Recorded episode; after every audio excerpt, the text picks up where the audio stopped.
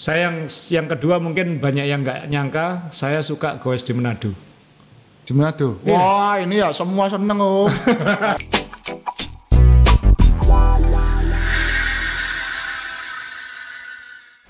Om Rey, ya, ini sudah lima episode kita ngomongin sepeda terus, ngomongin betul. ngomongin beli sepeda, milih sepeda, jenis Upgrade, sepeda, ya. upgrade. Upgrade, ya. Jadi kan yang paling asik tetap dari sepeda itu adalah bersepedanya. Betul. ya. Jadi kelilingnya. kelilingnya ya. Ya. Jadi kali ini kita mungkin dalam dua episode ke depan ini kita akan bicara banyak tentang sepedaannya, kira-kira kayak gitu ya. Oh, ya. Jadi uh, kita ingin ngasih uh, tips bagaimana uh, menyiapkan sepeda, uh, packing sepeda untuk traveling, sama uh, kita akan ngomongin rute-rute favorit kita di Indonesia. Jadi ini Wah, kita asik mungkin ini ya. Ini Keliling, keliling. keliling Indonesia dan Ya. uh, meskipun kita belum ke semua tempat di Indonesia tapi kita akan mencoba uh, menyebut uh, tempat-tempat yang kita sukai dan uh, menyapa juga teman-teman kita yang dari daerah-daerah itu kan kayak gitu ya. Ya. Sama kalau misalnya uh, pendengar pengen goes nanti uh, Paling enggak ada bayangan lah mau Paling- mana gitu ya. uh, de- meskipun ini era pandemi ya, era pandemi ini kan uh, kita lebih banyak di tempat kita sendiri, di kota kita sendiri, mungkin travelingnya mungkin masih sangat terbatas. Uh, tapi paling enggak kan supaya tidak gila ya kita karena saya juga kangen goes keluar. Jadi kita Keluar kota, keluar kota, keluar jadi pulau ya.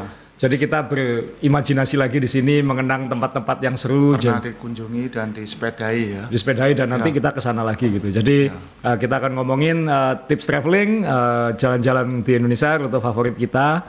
Uh, tapi sebelum kita traveling, yang utama adalah kita harus uh, uh, bicara tentang packing sepeda. Kan nggak mungkin kita pergi lalu beli sepeda di tempat itu kan? Oh iya, betul. Uh, ya mungkin, Walaupun bisa beli atau sewa. Meskipun bisa beli atau sewa. Cuman mungkin kita kasih informasi sedikit bahwa kenapa Mbak sepeda sendiri biasanya perlu dicatat kan sepeda yang paling enak kita pakai itu yang sudah biasa kita pakai kan gitu Ya. ya. Jadi ya sepeda ini biasanya yang dibawa-bawa oleh cyclist itu ke mana-mana. Hmm. Juga buat foto buat apa lebih pede karena oh ya itu sepedanya Hmm. apa sepeda kesayangannya. Jadi ada ada supaya sepeda itu punya cerita juga kayak gitu. Betul ya.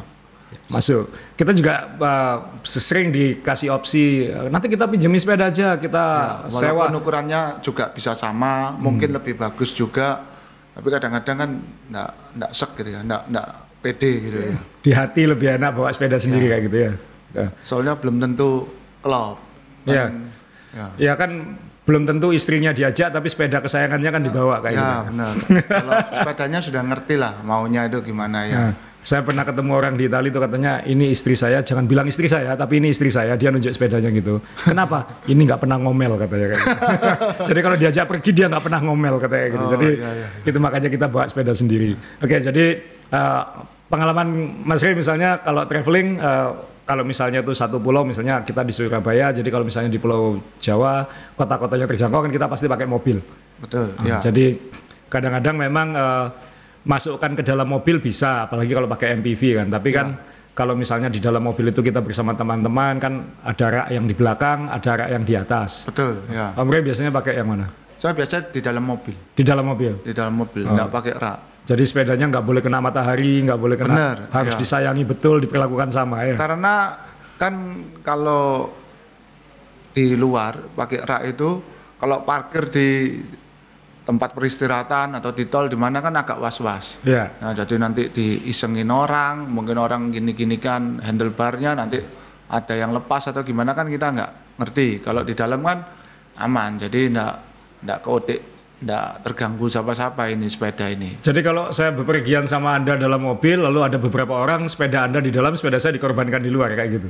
Oh enggak, saya naik mobil sendiri biasanya. ya, jadi Wah. enggak enggak ganggu gitu loh. Om ini romantis, dia sama sepedanya nggak mau dipisahkan itu. Eh, Lebih iya. baik berpisah dengan teman daripada dengan sepedanya sendiri. Ya kan nanti temennya juga kan kalau ada apa-apa kan enggak ingat saya gitu loh. Kalau sepedanya kan ingat saya, yang selalu berduaan kan sama sepeda ini di mana-mana. Iya. Kalau temennya kan sebetulnya punya mobil, Iya. ya bisa pinjam, bisa Iya. apa, kan bisa pergi sendiri-sendiri kan gitu. Iya. ya mungkin satu mobil tuh enggak banyak orangnya, paling ya dua orang Iya. gitu supaya sepedanya juga enggak ketatap, Ya. nggak rusak juga kan juga kadang-kadang kalau perginya jauh selain bawa mobil kan juga bawa eh, pakaian ganti dan lain-lainnya itu sudah penuh sesak kan gitu loh Oke, jadi kalau bepergian sama Om Ray, eh, siapkan mobil juga.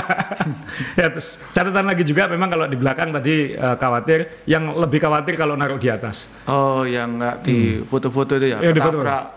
Apa jembatan atau portal itu ya, bisa hancur sepedanya Ya, jadi kadang-kadang kan, mohon maaf, kadang-kadang kita nggak nyetir sendiri, kadang ada driver atau orang Ya. lain yang nyetir mobilnya, Betul. yang mungkin dia tidak, kadang dia lupa kalau ada sepeda di atas, betul dan dia mungkin kadang kita juga nggak ngasih tahu dia kalau kan kadang sungkan ngasih tahu harga sepedanya berapa kan. ya Nah, apalagi kalau kadang-kadang harga mobilnya kalah sama sepedanya kayak gitu. benar ya Jadi eh, kalau ditaruh di atas, sekali lagi selalu ingat ada itu bisa kena jembatan tadi. Iya. Fotonya kan banyak itu. ya sama Ah, portal Portal, eh, kadang kena dahan-dahan pohon yang Oh, iya, benar. yang, Yang di pinggir pendek, jalan, iya. ya di pinggir jalan. Sama eh, tapi itu juga bisa jadi cerita menarik. Kenapa? Karena waktu saya pernah pergi itu ada ada teman dia direktur bank ya eh, di luar negeri sih. Terus kemudian eh, kita waktu itu pergi cycling trip bareng ya dan dia waktu itu uh, sepedanya baru. eh, kemudian eh, dia sendirian, nggak sama istri, nggak sama keluarga. Dia gabung eh, grup kita waktu itu. Loh, anda kok sendirian di sini dengan sepeda baru gitu? Dia bilang ini hadiah dari istri saya katanya. karena Sepedanya baru hadiah dari istri saya. wih luar biasa ini Traveling ini juga hadiah dari istri saya. ah, ini Loh, istri kamu- baik ini Istrimu baik sekali. Oh enggak katanya. Istri saya membuat kesalahan besar katanya. Jadi waktu memasukkan mobil lupa kalau ada sepedanya di atas katanya. Wah, remuk di rumah Remuk kena garasi. Jadi ya ya, ya. ya bagusnya adalah dia dapat sepeda baru dan dibayari istrinya traveling sepeda. Oh, jadi ini pesan moralnya berarti teman-teman harus masang rak di atas Kak, kalau Dan kalau ingin istrinya. kenapa? rak atas mobil istrinya habis ini dipasangi rak sepeda ditaruh sepeda Ya. Ah, Supaya nanti istrinya merasa bersalah kan merasa bersalah. Kalau enggak itu malah-malah kadang-kadang dihancurkan sama istrinya habis. Oke ya, itu kalau ka- kalau naik mobil. Nah, kalau kita keluar pulau kan, kita kan pernah goes bareng ke Manado misalnya kayak Ya. gitu. Atau ke Bali mungkin atau meskipun Bali bisa pakai darat atau mungkin ke Lombok kan kadang-kadang kita harus naik pesawat. betul Dan ya. itu berarti kita harus punya uh, bike box atau kardus Ya. atau apa yang memastikan sepeda kita aman aman. Nah ini ini buat uh, buat yang nggak pengalaman traveling ini sebenarnya banyak jebakan Batman ya kayak gitu. Oh. Jadi kayak misalnya uh, pengalaman saya sih biasanya uh, kalau itu ke daerahnya nggak terlalu jauh, ya kan biasanya pesawatnya kecil. Kalau Ya. kalau Wings atau lain pakai ATR itu misalnya Ya. kayak gitu. Itu kadang-kadang tidak cukup bagasinya untuk koper sepeda.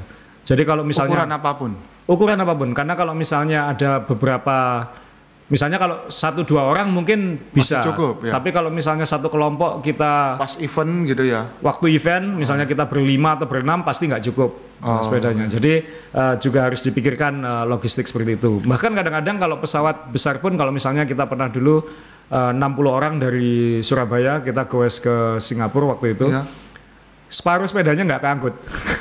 Lalu? Ya besoknya baru nyampe, jadi akhirnya uh, bisa menimbulkan uh, masalah-masalah. Jadi kalau traveling benar-benar uh, jangan jangan digampangkan, harus disiapkan betul-betul harus ya. dipikirkan nanti pesawatnya, maskapainya segala macam harus uh, harus kita pikirkan. Karena uh, banyak sekali juga ada teman uh, teman kita itu Bang Ari namanya yang di Ya. Surabaya juga. Uh, kita waktu itu kebetulan memang ke Adelaide Ya. uh, dan sampai di Adelaide sepedanya nggak nyampe. orangnya sampai Orangnya nyampe, sepedanya enggak sepedanya nggak nyampe eh, jadi karena besoknya langsung goes dia mau nggak mau harus sewa sepeda ya beli helm oke beli sepatu kemudian baju. Beli jersey dan bib Ya. lagi gitu. Jadi ya seperti datang ke sana beli lengkap lagi gitu. Karena mulai dari awal ya. mulai dari awal karena semua perlengkapannya ada di tas sepeda itu. Tas sepeda. Ya. ada juga pengalaman eh, Edo Bawono sekarang eh, salah satu foundernya Strive Bar Edo. itu.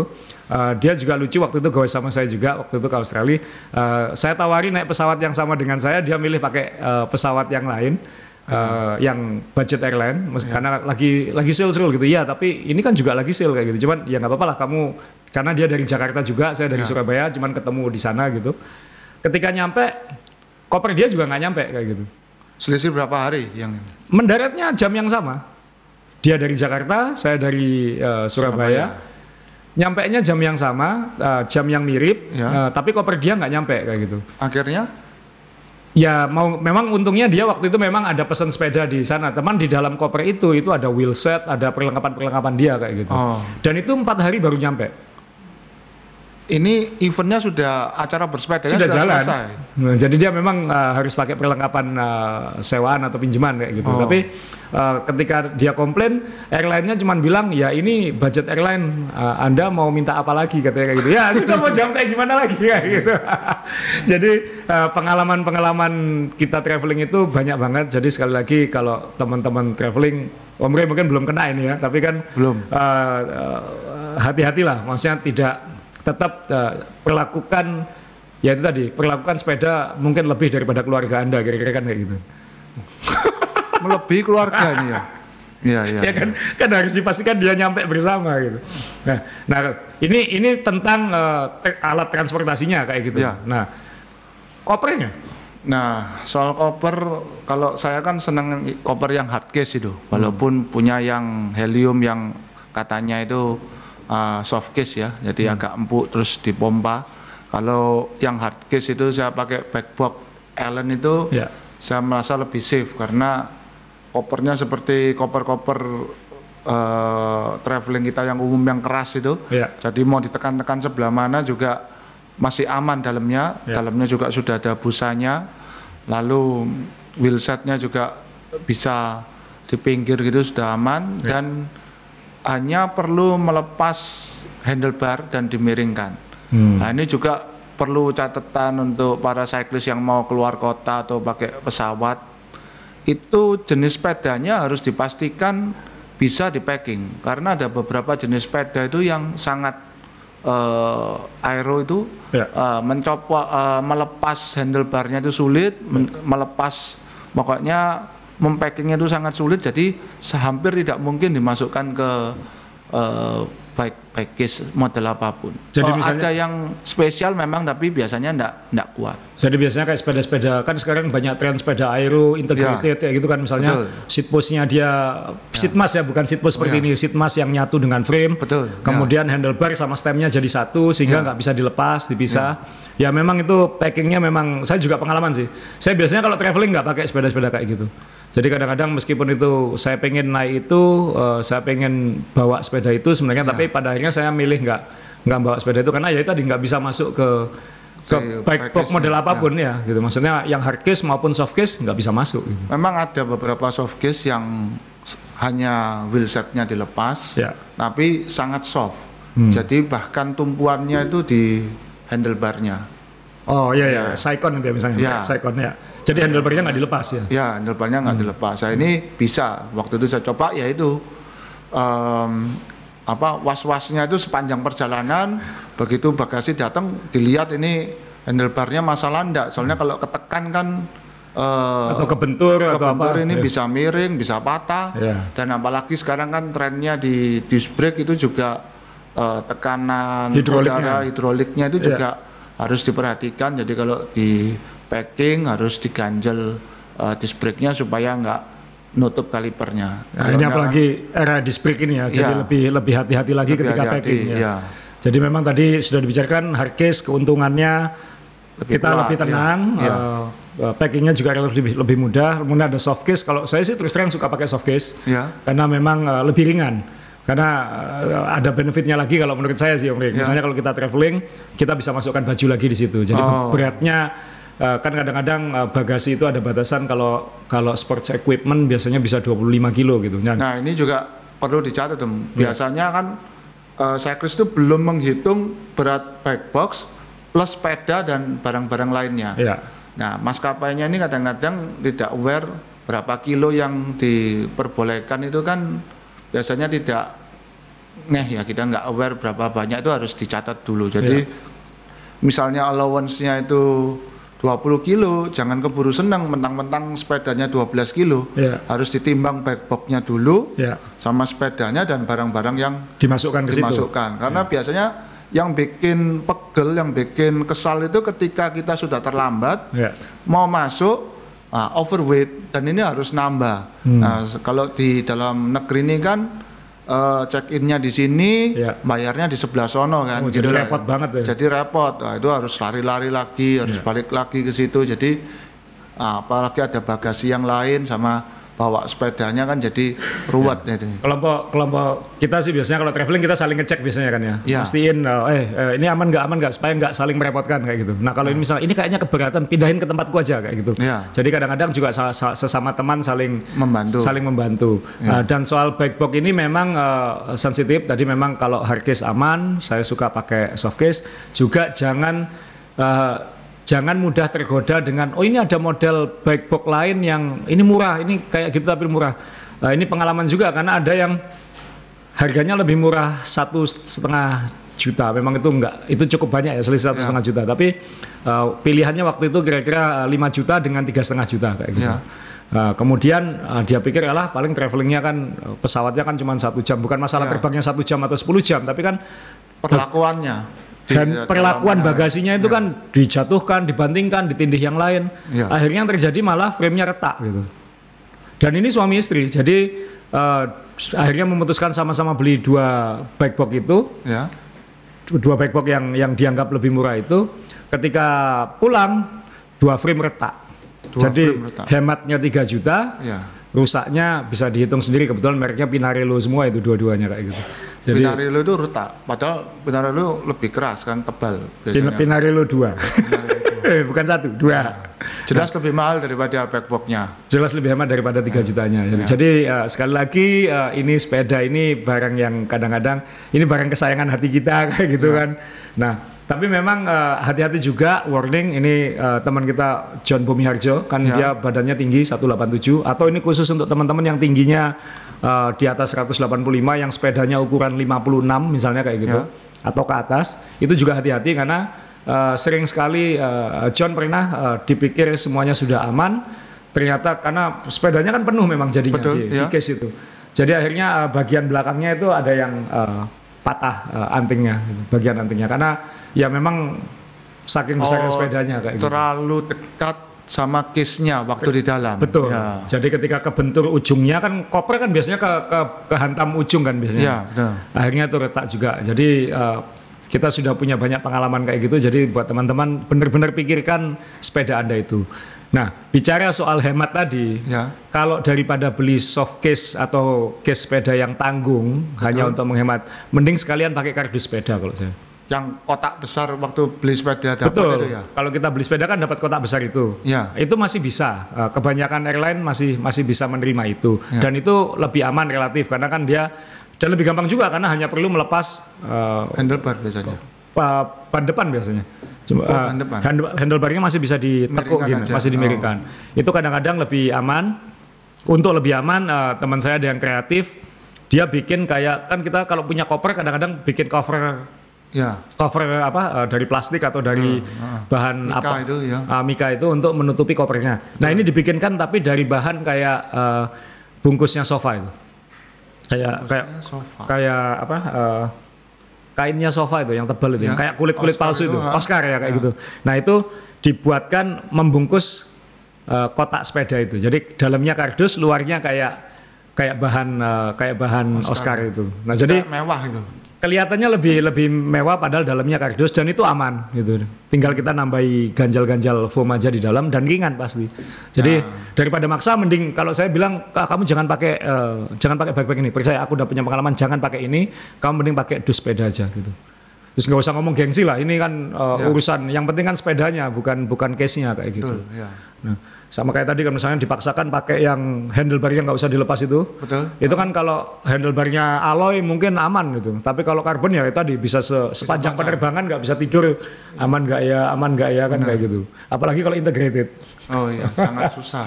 sangat susah. Nah jadi itu itu besar. Nah Om Rey kan pengalaman juga traveling pakai Brompton misalnya. Ini kan apakah itu lebih gampang? Misalnya Gampang. ada tips nggak? Misalnya kan mungkin ada koper khusus atau mungkin eh, ada koper yang bisa diakali jadi kopernya Brompton. Jadi eh, CEO Brompton itu Will Butler Adams itu ketika datang dia membawa Bromptonnya itu hanya dibungkus saja, bungkus seperti kain parasit ya memang ada soft apa pouchnya itu isinya cuma bungkus tuh Hmm. supaya nggak kotor dan ketika di bagasi ya cuma ditaruh begitu aja. Nah, dia bilang saya tanya loh kok sepedanya kok seperti gitu dia Hmm. bilang begini nah ini kan kalau saya bungkus dia nggak tahu dalamnya ini sepeda atau apa Iya. nah kalau gini kan dia tahu maksudnya eh, stafnya airline ini tahu kalau ini sepeda Hmm. jadi dia lebih memperhatikan jadi Oh. ketika di handling di mana pun sudah diminggirkan terlebih dahulu dan Oh. dia cuman gitu aja jadi cuman Dibungkus kain gitu, gitu. kayak kain parasit tapi yang bawahnya ada karetnya gitu jadi nutup gitu aja Iya. ya jadi bukan kainnya itu enggak ada faktor perlindungannya sama sekali jadi cuma tutup supaya nggak kotor gitu aja jadi sudah Jadi benar-benar cuma dibungkus gitu aja. iya gitu di- dibungkus gitu aja Dulu juga pernah sih ada temen sih kit- eh, ke Malaysia eh, sepeda karbonnya cuma dibungkus kain kayak gitu. selamat Ya pasti enggak lah. oh Kolnago oh patah. Nah, Jadi kalau ini ya besi jadi Iya, iya. jadi memang dia meminta seperti eh, ini sport e- equipment jadi Iya. harus disendirikan Iya. ditempeli eh, stiker fragile jadi orang tuh katanya kalau sudah ditempeli itu eh, kelihatan oh ya jelas ini sepeda jadi disendirikan kalau misalnya kan kalau teman-teman di Indonesia kan Brompton itu kan kayak kayak perhiasan kan ya. ya kayak Nah, itu ada tips nggak? Misalnya covernya seperti apa? Kompernya ada yang khusus dan sudah dijual banyak lah di online di marketplace juga ada. Ukurannya jauh lebih kecil daripada ukuran backboxnya sepeda road bike atau MTB itu persis ukurannya. Yang sulit itu di tebalnya. Jadi khususnya itu biasanya di tebalnya. Jadi ada beberapa koper eh, konvensional zaman dulu itu yang bisa dimasuki Brompton. Sebetulnya merek covernya kan nggak biasanya nggak mahal gitu. dulu itu merek Logel, tapi yang lama. yang Jadi lama. itu tebal kopernya. Jadi itu cover baju biasa koper baju biasa dimasukin gitu aja. Itu masih agak enak ya Brompton ya. iya. Atau jadi, sepeda lipat itu ya. iya, jadi tinggal dimasukkan itu ukurannya persis. Ya maksa dikit tapi persis Hmm. dan teman-teman biasanya pakai itu eh, tipenya terus terang saya lupa tapi Logel jadi katanya itu keluaran lama jadi agak tebal. Jadi mungkin kalau yang punya sepeda lipat atau Brompton pengen uh, traveling bepergian bisa naik naik sepedanya ke mall, Ya. ditenteng ke dalam, nyari koper yang itu bisa masuk kayak gitu. Ya itu bisa jadi sih.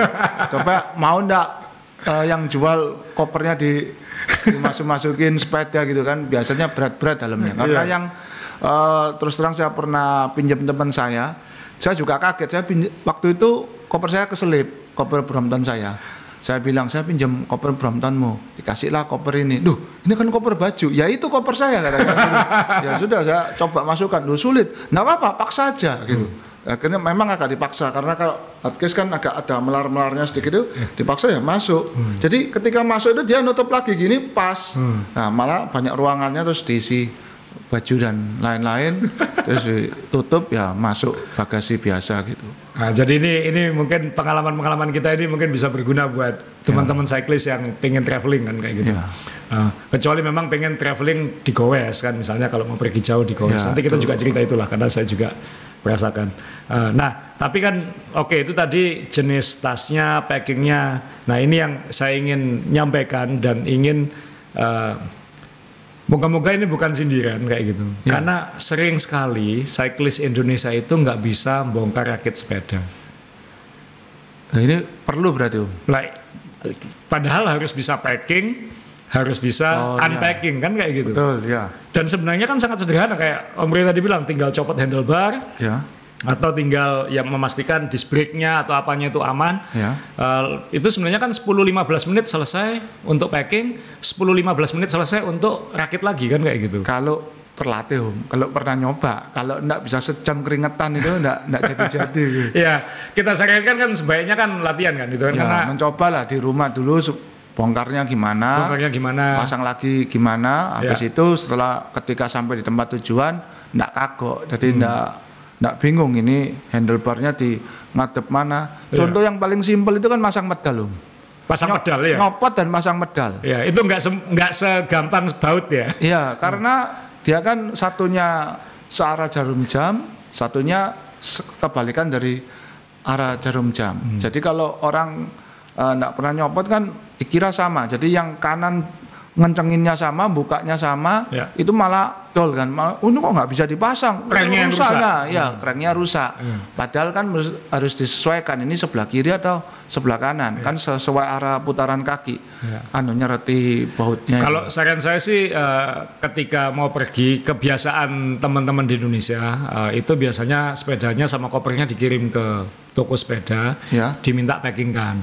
Ya. Kemudian ketika nyampe di kota berikutnya dibawa ke toko sepeda lagi, minta tolong rakitkan. Makanya eh, kita kan sering bikin event ya. Ya. Itu biasanya berkah untuk toko-toko sepeda karena di sekitar event itu. di sekitar event itu karena dia kerjaannya bisa sangat sibuk hanya merakit dan packing sepeda kayak Betul, gitu. ya. Dan itu sebenarnya juga tidak apa-apa, cuman sebenarnya kan eh, alangkah lebih baiknya kalau kita kenal sepeda kita sendiri gitu. Maksudnya eh, akan lebih eh, kita akan bisa lebih pengalaman saya sih kalau traveling apalagi kalau pindah-pindah kota terus gitu ya. Itu kan lebih enak kalau bisa handle sendiri kayak gitu. Kadang-kadang eh, pernah eh, datang dari Jakarta ke Surabaya mau Ya. goes. Ternyata kadang mekaniknya lupa menaruh eh, eh, bukan pedal sih, eh, baut baut stemnya ada yang ketinggalan kayak gitu. Baut stemnya. Iya, nah, itu kan nggak mudah gitu. Maksudnya kan Ya. ap- tiap apalagi itu karbon yang ukurannya Jadi ketinggalan di tempat keberangkatan. betul. Wah ini sulit. Iya, misalnya kalau memang ada parca di sini mungkin nggak apa-apa, tapi kalau Ya. nggak kayaknya itu hanya satu baut, tapi itu di stem yang untuk mengait handlebar. Itu kan Ya. itu krusial gitu. Ini bukan bautnya ban mobil ya. Lima dikurangi satu kan masih bisa jalan. Iya, katanya, ya. ini kan sangat bahaya kayak. Ya. Jadi kadang-kadang eh, lebih baik ke supaya kita tahu betul sepeda kita ini siap atau tidak ya. Mungkin lebih baik eh, bayarin mekanik untuk ngajari kita packing unpacking. Ya. Atau kadang-kadang toko-toko sepeda kan banyak yang mau ngajarin kayak gitu-gitu juga kalau lagi nggak sibuk. Ya. Eh, kalau ke luar negeri karena itu berat sekali gitu, Om. Karena kalau Sebetulnya enggak perlu jauh-jauh luar negeri. Hmm. Contohnya seperti gini.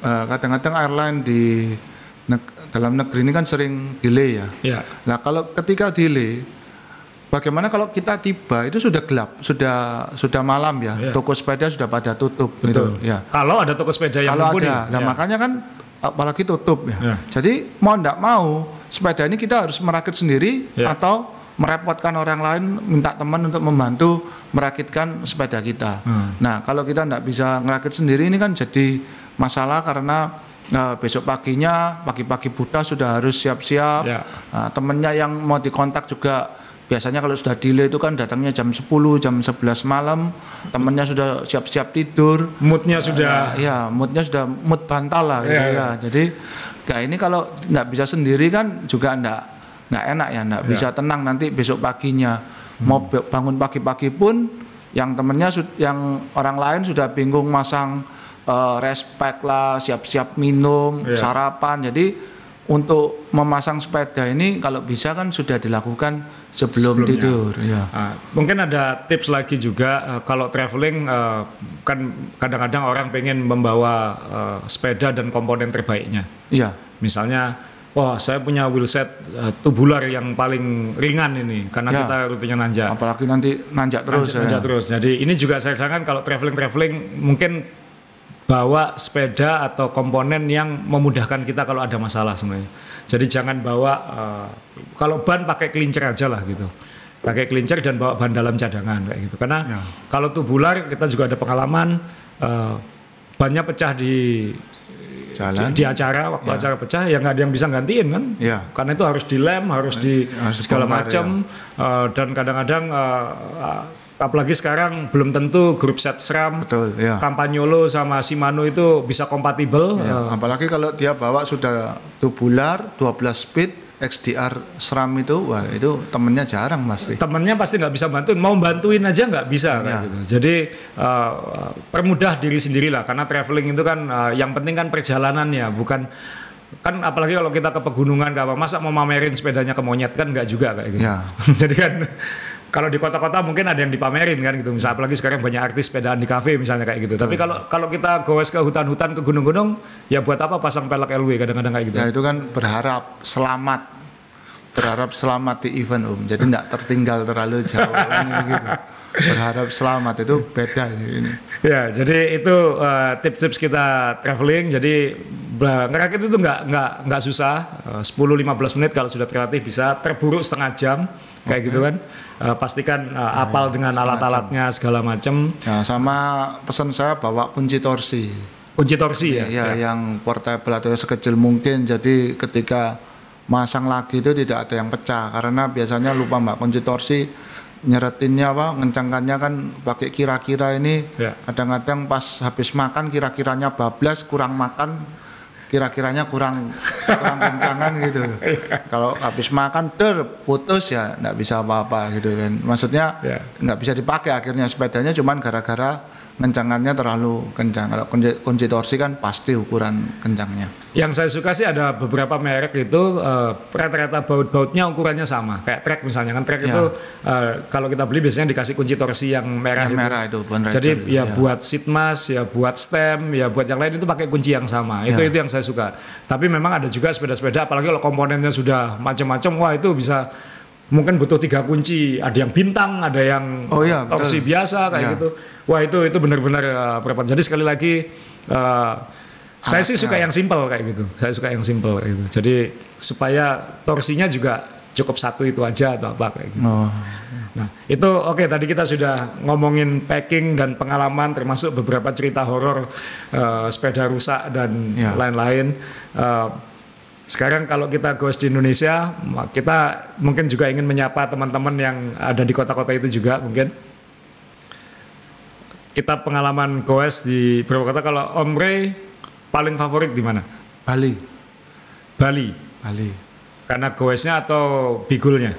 dua-dua Dua-dua. ya makanan dan tempatnya soalnya kalau Bali itu anu apa ceritanya banyak eh, maksudnya ceritanya banyak itu gini bukan cerita apa ya itu maksudnya eh, kita jalan sedikit gitu pantainya sudah ganti nama Hmm. jadi misalnya kalau kita dari Surabaya ini jalan sedikit kan cuma Sidoarjo, Tanggulangin, Porong ya sudah gitu aja jalannya cuma lurus. Kalau di sana kan pantainya ganti nama terus jadi ini pantai Pendawa. Ya. maju dikit sudah Melasti. Ya. Nah, nanti maju dikit sudah ganti lagi namanya. Nah, itu kan spot fotonya beda-beda. Jadi istilahnya Insta Instagramable itu Iya. banyak lah buat posting tuh mau seminggu padahal ghostnya cuma satu hari ya.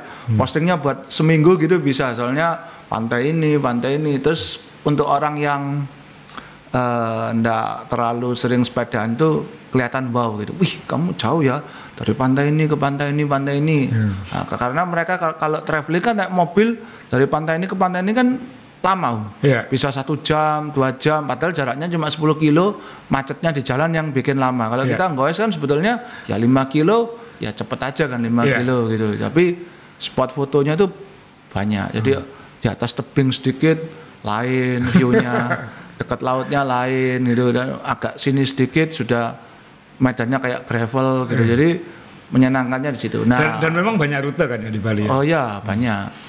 Mau keliling mau ke mana Lovina bisa. Apa yang ke sawah-sawah itu. Jadi set, jalan eh, seperti kapan hari saya dari Denpasar itu ke tempatnya Ubud yang monyet-monyet itu Iya. itu saudara-saudara sama temen wih jauh banget sepedaannya ke situ. Padahal secara kilometer bagi kita yang orang Surabaya ya kilometernya ya enggak enggak jauh-jauh banget. Tapi kan kalau kita naik mobil dari Denpasar ke tempat wisata itu makan waktu dua jam. Jadi pikirannya mereka kan jauh. Padahal yang bikin jauh ya kembali lagi ya macetnya itu nanti kan. Jadi kalau ke Bali enak naik sepeda kan ya? ya memang lebih enak dari sepeda sih. Kita kelilingnya? Kelilingnya ya. ya lihat jamnya Om, karena di sana tuh panas juga. Jadi Iya. kalau kalau eh, jamnya jam lucu-lucunya matahari jam 11 jam 12 itu ya ya kepanasan gitu Jadi ya memang uh, ke- sering ya uh, teman-teman komunitas kita kalau bikin event biasanya sering ke Bali kayak gitu. Betul, ya. Nah, memang rute goesnya banyak uh, menyenangkan. Kita juga punya banyak teman di sana. Uh, kalau misalnya bingung rute di sana, kita ada beberapa teman misalnya ada cari di Strava namanya Aliang itu. Ya, Nah, itu itu siap uh, mengantarkan ke mana-mana. Iya. Uh, kemudian uh, kita juga punya teman yang belakangan lagi suka rute-rute gravel dan off-road. Ya, yoga. namanya Yoga. Uh, dia juga sering traveling ke luar negeri bersama kita. Itu bisa jadi teman yang asik untuk sepedaan. Tentunya banyak komunitas juga di Bali yang yang siap menemani karena memang banyak bule juga di sana dan bule biasanya suka sepedaan kayak gitu. Jadi Dan enaknya kalau ke Bali mungkin bisa bawa keluarga, keluarganya bisa berwisata, Yang Yang goes, satunya goes. Goes, tidak pulang-pulang. nggak pulang. Nggak pulang-pulang. Ya, Yang itu- sudah Cina yang sebelah sana. Ya. Selain Bali juga mana? Jogja, Jogja. Jogja. Kenapa? Eh, gudegnya enak. Udah makanannya lagi. iya, jadi setelah pulang goes itu kan apalagi di sana itu ya, bukanya makanannya kan banyak yang malam. Iya. Jadi setelah capek perut itu baru kerasa lapar kan waktu malam. Nah, di situ banyak oh gudeg permata ini bukanya jam 9. Iya. Gudeg ini bukanya jam 12 itu jadi makan terus. Jadi Om, Om Ray kalau traveling harus cari banyak makanan. kalau enggak sakit om dan biasanya selesai sepedaan itu itu malah enggak ya kalau bahasanya kita kan enggak kolu makan ya masih perutnya masih enggak enak gitu Iya. tapi setelah sejam dua jam oh baru rasanya marah gitu ya naganya yang di dalam ularnya gitu pada marah gitu minta asupan gitu ya Iya. jadi dan itu kan enggak berhenti kelihatannya porsinya gede Iya. ketika dimakan kayak lewat aja di usus gitu sejam kemudian sudah sudah lapar lagi gitu. Jogja juga asik karena kan memang banyak rutenya juga ya. Ya. Makanya banyak sekali event di sana. Malah saya kadang-kadang merasa terlalu banyak event di Jogja, kadang-kadang kayak gitu. Tapi memang eh, rute, kemudian sekali lagi tempat wisata, makanan, eh, dan banyak. harganya juga terjangkau kalau Ya. dibandingkan dengan Bali misalnya kayak gitu. Ya. Eh, teman-teman sepedaan juga sangat banyak di sana. Eh, kebetulan banyak tim-tim balap Indonesia basisnya di, Di Jogja. Jogja. Eh, jadi kit- kita dulu juga sering kalau goes ke sana yang nemenin atlet-atlet kayak gitu. Ya. Eh, nggak tahu, Om Ri kan ikut waktu itu. Eh, berusaha tidak. Berusaha tidak. ya. rasanya enggak itu waktu itu saya enggak ikut Jadi eh, banyak teman atlet yang bisa eh, kalau yang pengen latihannya serius, kadang-kadang ada teman kita juga yang nggak tahu kok dia bisa ya meninggalkan pekerjaan gitu agak lama, dia kayak training camp di Jogja gitu. ya sebulan dua bulan Sebulan dua bulan kayak gitu. Wah ini hidupnya pasti enak sekali nih kalau gitu. Jadi itu itu Bali dan Jogja. Ya. Kalau saya sih nggak terlalu jauh dari Surabaya masih Jawa Timur. Saya suka Banyuwangi. Om. oh di ujung itu dekat Bali ya dekat Bali. Ya, bersenggolan dikit lah. Dulu pernah bikin event pertama ke sana, eh, banyak teman eh, goes di sana juga. Kebetulan Oh, iya. sahabat kita Iya. Kapten Agus yang di Surabaya kan dia orang mana Banyuwangi. di Surabaya Di lagi di mana dia sekarang? di tengah air sana di laut. di laut ya di di Kamerun ya. Ya, dekat Kamerun Ya, kita ada punya teman yang gara-gara pandemi ini terjebak di tengah laut. Ya. Sudah berapa bulan nggak pulang? Eh, secara hari 200 hari lebih katanya dia sampai ngitungi harinya mungkin detiknya dia tahu sekarang Jadi dia 200 hari tidak bisa Lebih, pulang ya ya di laut di Kamerun di Ya, Afrika ya. di Afrika. Ya itu padahal eh, teman kita goes baik itu kan kayak Ya. gitu. Jadi ya untuk Kapten Agus mungkin eh, bisa podcast ini pasti nonton karena dia nggak ada kerjaan lain di laut. Eh, jadi dia moga-moga eh, bisa terhibur dikit karena kita terus ingat sama dia kayak gitu. Kita terus menggoda dia pakai foto-foto sepedaan ya. Iya. Gitu. tapi dia ada kerjaan di sana Apa itu? cari signal kan Cari sinyal. sulit saya signalnya cari signal di sana Nah, jadi memang eh, di Banyuwangi kita punya banyak teman. Ada ada tim balap juga di sana kan ada Pak Guntur Iya, yang Pak di Guntur. Banyuwangi yang selalu eh, menghidupi eh, dunia sepeda di sana. Iya. Ada banyak senior senior juga ada Mbah Gus Bang ya. Iya. Wah, itu usianya sudah eh, 60-an kalau nggak salah, tapi mungkin lebih ya tapi mungkin rajin lebih sepeda. Rajin dan suka menemani kita kita kalau datang ke sana kayak gitu. Jadi ya, salam buat teman-teman di Banyuwangi. Eh, rutenya juga banyak mau datar 100 kilo bisa mau rolling bisa Eh, dan semua dalam wilayah satu kabupaten. Ya. Banyak event juga sepeda di sana mungkin nggak sekarang tapi ya, biasanya ada banyak. Kalau mau nanjak ekstrim juga ada. Banyak sana. Ada ijen ya kan kayak gitu.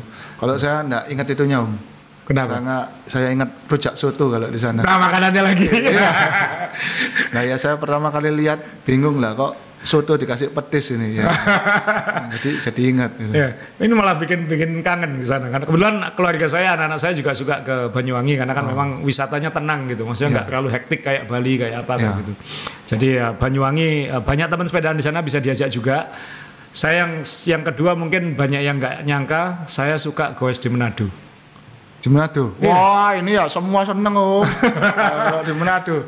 dulu nggak pernah menyangka tapi dulu nggak pernah menyangka Oh. uh, dulu waktu bikin event uh, Grand Fondo di sana uh, itu uh, sempat khawatir juga karena kan nggak Ya. banyak orang goes di sana. Ya. Kita punya teman baik di sana namanya Om Royke, Royke Ya. Hendra dan komunitas-komunitas Manado. Ya. Uh, dan waktu itu, tapi ini kan sesuatu yang beda, sesuatu yang jauh. Jadi kita waktu itu saking hati-hatinya kita minta peserta-peserta itu sepedanya supaya dikirim beberapa hari sebelum.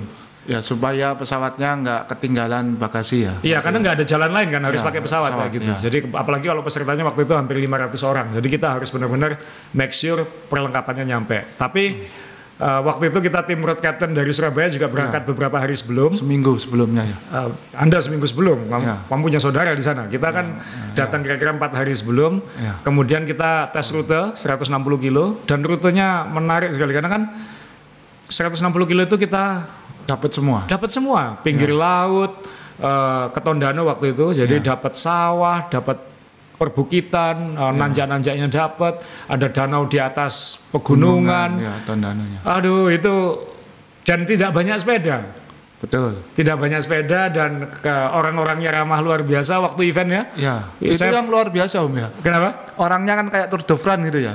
Kayak Tour de France ya Keluar malah yang di Manado ini lebih baik Om. Iya. Karena bawa makanan dan minuman itu Iya. saya juga ingat. It- itu seperti apa ya? Kita biasa lah, biasanya kita sepedaan, ada anak-anak kecil menyambut, kemudian Ya. ada warga Ya. eh, tepuk tangan, itu kan Ya. biasa. Tapi di Manado ini mereka kayak keluar ke jalan, kemudian bawa makan tadi pisang, Ya. em, air minum, Ya, segala macam. Ngasih ih kita seperti kita itu Wah, Ya. kayak disambut, Ya. jadi natural sekali gitu. Nah, itu katanya Om Royke waktu itu ngomong ke saya, ini mas, sejarah katanya. Kenapa? Belum pernah ada kelompok sepeda lebih dari 10 orang lewat. Jadi ketika ada ratusan lewat itu, wah aneh ini ya kayak Iya. gitu. Jadi, uh, tapi menurut saya seandainya tidak ada event pun, rute-rutenya menarik sekali. gitu. menarik. Ya sangat. Jadi waktu saya bilang wah ini ini kapan-kapan kalau misalnya bisa bikin event lagi ke Manado, saya kira itu tempat yang asik. Apalagi sekarang katanya uh, komunitas sepedanya sudah tumbuh. Ya. Jadi semakin banyak orang uh, bersepeda di sana, jadi semakin mudah kita cari teman di sana juga untuk Ya, bersepeda. family saya di Amurang juga sepedaan, padahal dulu enggak gitu. Gara-gara kamu sepedaan. Eh, enggak juga, saya barusan tahu juga terus lihat di Instagram Oh dia sepedaan juga. dia dia. sepedaan juga gitu. Jadi uh, itu uh, tempat menarik, apalagi kalau tempat itu memang belum banyak orang sepedaan ke sana kan kayak gitu kan ya. Iya. Dan tentunya masih banyak tempat lagi lah. Lombok pasti luar biasa buat sepedaan. Sangat Sangat luar, luar biasa, biasa. sepedaannya luar biasa buat kaki itu. Ya. Kenapa? Naik turun dan pinggir laut. ya, rutenya enggak yang rata di sana. Tidak ada rata. Iya. Tapi memang eh, aku sih suka sekali dalam artian memang dulu pertama kali ikut event Grand Rondo waktu itu namanya Audax itu 300 kilo waktu itu di Lombok. Oh iya iya, yang buka mata dari gelap sampai gelap lagi. Iya, oh, start jam 4 pagi, finish jam 10 malam waktu itu masih kayak gitu. Jadi ya itu pengalaman saya pertama kali goes di sana. Jadi cuman kan nggak ingat kita lewat mana aja. Padahal kalau dilihat ternyata kita kelilingi juga itu pulau kayak gitu. Jadi eh, Lombok banyak sekali rutenya, apalagi belakangan katanya makin makin berkembang kayak gitu. Jadi eh, ya untuk menjauhkan lah. Jadi misalnya kalau misalnya eh, liburan keluarga bawa sepedanya kan, eh, kan nggak semua orang betah sama anak-anaknya kan. Ya, ya. ya bawa sepeda ini. Ya itu itu kalau misalnya mau eh, traveling agak jauh. Saya yakin masih ada banyak tempat-tempat yang yang Ya. yang lebih hebat lagi yang mungkin kita belum pernah eh, lewati. Mohon maaf kalau misalnya eh, ada yang kurang berkenan yang kita seharusnya Belum nyebut sebut, ini, ya, nyebut ya. ini kayak gitu. Enggak, tapi eh, ada lagi s- eh, sebelum anu seharusnya waktu itu eh, Om Rey ikut Ya. kita sama-sama sudah beli sepedanya, tapi Om Rey waktu itu batal ikut karena ada urusan. Ini kan Ya. susahnya, susahnya kita ikut event atau bikin rencana goes jauh karena kadang-kadang eh, mengatur jadwal pekerjaan kita yang susah kan kayak gitu. Betul, ya. Jadi dulu tahun 2018 eh, Januari itu sebenarnya termasuk Om Rey waktu itu kita beberapa punya niatan goes dari Surabaya ke Labuan Bajo. Ya, ber- berapa hari Om? enam hari. Enam hari ya. enam hari jadi sehari hampir 200 kilo ya. Ya. Nah itu eh, kita sama-sama waktu itu beli sepeda kromoli semua, sepeda Ya. touring eh, trek 520 itu. Sepeda touring harganya 13 juta atau apa kalau nggak salah waktu itu. Ya. Jadi sepeda itu kita beli tas-tasnya. Jadi kita udah sepakatan waktu itu eh, baju eh, baju perlengkapan semua Dibawa dibawa sendiri. dibawa sendiri. Ada kelompok teman lain yang Oh ya, ada dua grup. dua grup, yang satu grup bawa kemah. Ya. Jadi mereka tidak akan nginep di hotel, mereka akan stay di eh, Tenda. tenda kayak gitu. Di alam terbuka. Di alam terbuka. Meskipun eh, teman kita Ceko eh, yang dari Bali itu, orang Itali dari Bali bilang, kalian mau buka tenda di mana? Di sebelah hotel katanya kayak gitu. Jadi uh, tapi kan memang tujuannya memang pengen pengen sengsara kayak gitu kan. Jadi Iya. mereka bawa tenda di sepedanya. Nah kelompok kita waktu itu seharusnya uh, kita tetap nginep di Hotel. penginapan. uh, belum tentu hotel penginapan-penginapan tapi uh, kita uh, tetap goes. Jadi yang kemah itu 9 hari, yang yang kelompok saya itu enam hari kayak gitu. Itu ke Pulau Komodo juga. Itu pokoknya rute hari pertama adalah Surabaya Situbondo itu 192 kilo. Oke. Kemudian Situbondo Banyuwangi Ketapang jadi lewat naik ferry ke Bali. Ke Bali kemudian goes dari Gi- apa eh, pelabuhannya Gia- Gianyar. Ya. Gianyar lalu eh, ke Singaraja sampai Singaraja. Nginep di Singaraja kemudian hujan hujan badai Gilimanuk maksudnya. Eh, dari Gilimanuk, sorry, dari Gilimanuk, Gilimanuk ke Singaraja. Kemudian hujan badai di Singaraja waktu pagi-pagi. Ya. Jam 4 pagi kita jadwal berangkat jam 4 pagi itu eh, ada senior kita Pak Tony itu usianya 60-an tahun. Ya. Dia bilang, "Mas tetap berangkat, tetap Pak, karena kita harus ngejar kapal, di Kapal. Padang Bay kayak gitu." Oh. Jadi karena timetable-nya ngikuti kapal, bukan ngikuti kemampuan kita kayak gitu. Jadi sampai Padang Bay, cuaca buruk, nggak bisa naik kapal cepat, harus naik ferry lagi sampai Lombok, nginep Lombok, lalu Lombok nyebrang lagi ke Sumbawa. Wah, seru sekali. Terus sampai eh, kita nginep di Dompu, eh, kita nyampe di Pelabuhan Sape, dari situ pakai kapal kayu, eh, kita tidur di kapal ke Komodo. Ke Pulau Komodo. Pulau Komodo, tapi sepedanya sudah masuk trek waktu itu, sudah masuk Oh, trek jadi ini one way ya. Ya one way, Uh, sepedanya dikirim balik, kita ke Pulau Komodo, kita ke Labuan Bajo, sampai Labuan Bajo cuma makan siang Terus kembali. ke airport. Ini rute yang sangat cocok Kenapa? untuk orang-orang yang punya masalah di rumah. Ya, tidak terlalu mahal biayanya. Ya. Oh enggak, kita waktu itu sepakatan kok, Uh, sangat tidak mahal karena kita sepakat uh, kita dari Surabaya sampai Sape itu cuma boleh keluar uang 2 juta setengah. Keturutan.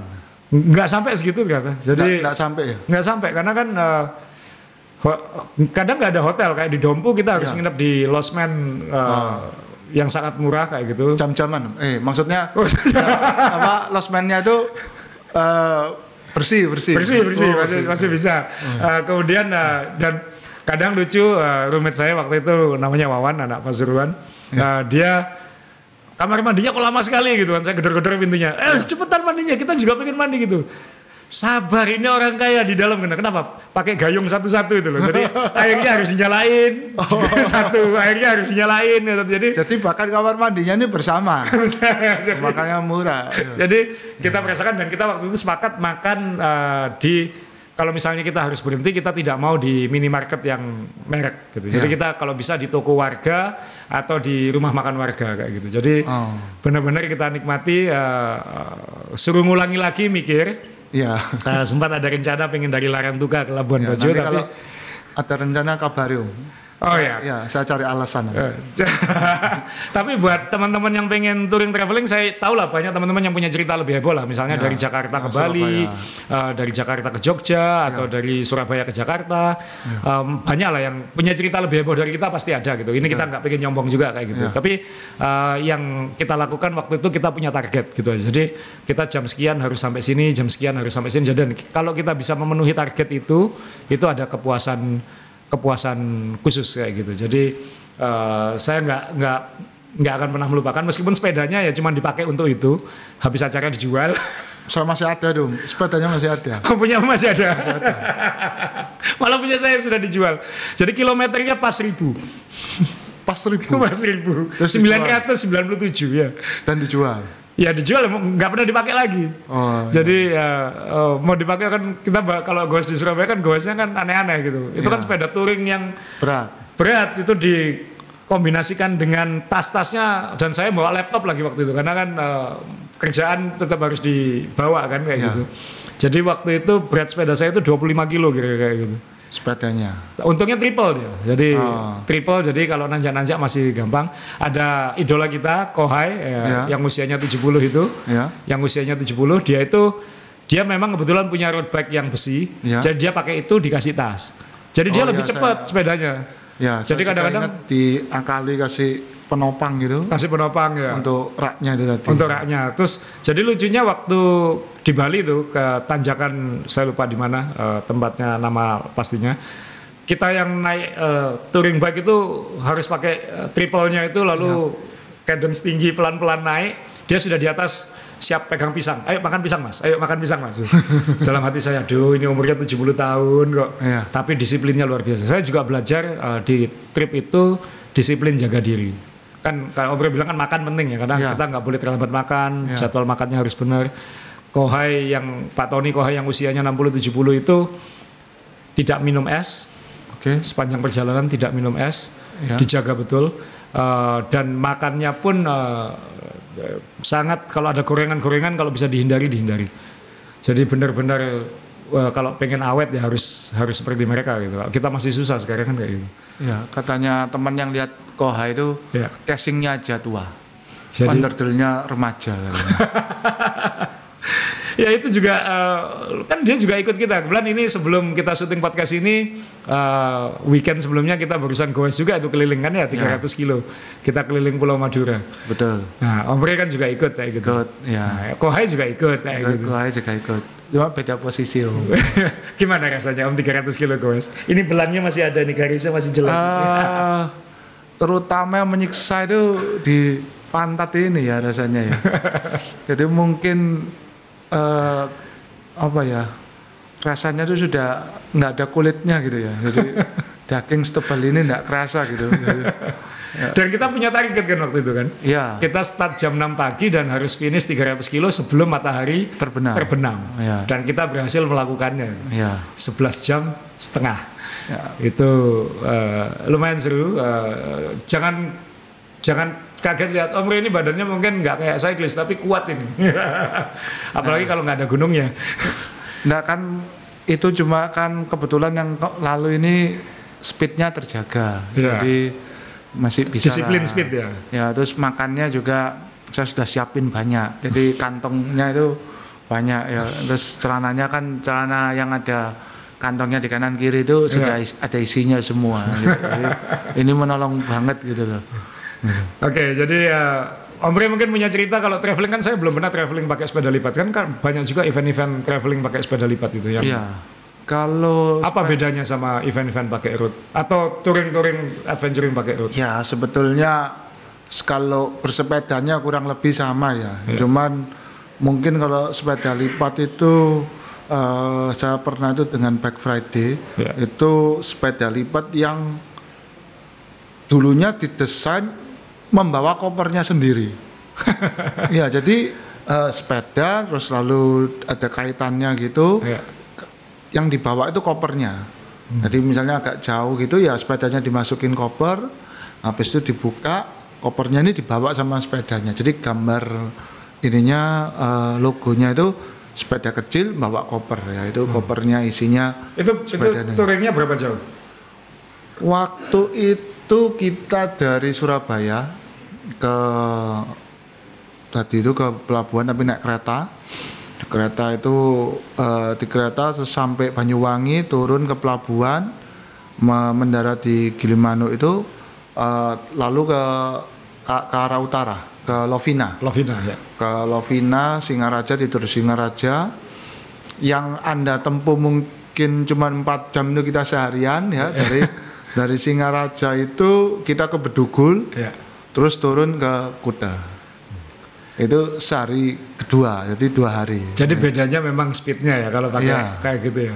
ya cuman eh, ya lucunya lain ya gitu ya jadi pengikutnya pasti lebih lucu-lucu gitu karena dengan speed yang tidak terlalu kencang itu kan bisa lebih menikmati ya Iya. gitu jadi ya mau jatuh mau digigit anjing mau apa itu kan lebih tidak berdaya gitu karena bannya kecil gitu apalagi pas turun zaman dulu kan belum ada disc brake ya Iya. jadi nah apalagi kalau wa- walaupun disc brake perlu dicatat kalau uh, zaman dulu itu disc brake-nya mungkin ada tapi kan pakai sling ya masih pakai kawat Mekanikal, ya, ya. mekanikal jadi ya sama aja tangannya tetap tetap pegel gitu Iya. loh untuk disc brake gitu Hmm. apalagi bannya kecil kalau hujan itu lihat ada air melintas itu sudah bingung karena ini kan uh, bannya pasti handlingnya jauh lebih sulit gitu Iya. itu ya kalau soal sepedanya sama cuman eh, penduduk komunitas sepeda kecil itu lebih manusiawi kalau saya ngomong Ya. mereka ini sangat aware sama kelaparan teman gitu jadi kalau satu lapar semua berhenti gitu Kalau road bike enggak ya? Nah, itu lupa gitu. Lupa. Nah, karena mereka lebih eh, lebih mengejar di schedule daripada kesehatan gitu. Jadi kesehatan itu mungkin nomor dua ya. Termasuk teman dokter kita itu kan Iya. Kurang sehat gitu menurut saya. Padahal dia dokter kan, Ya. tugasnya seharusnya uh, me- mema- mengayomi, me- menolong, membantu yang mengalami problem kesehatan. Tapi teman dokter kita ini malah meninggalkan kan kayak Betul, gitu. ya. Ya, jadi mungkin uh, ini tadi kita bicara tentang uh, tips traveling dan pengalaman traveling kita di Indonesia.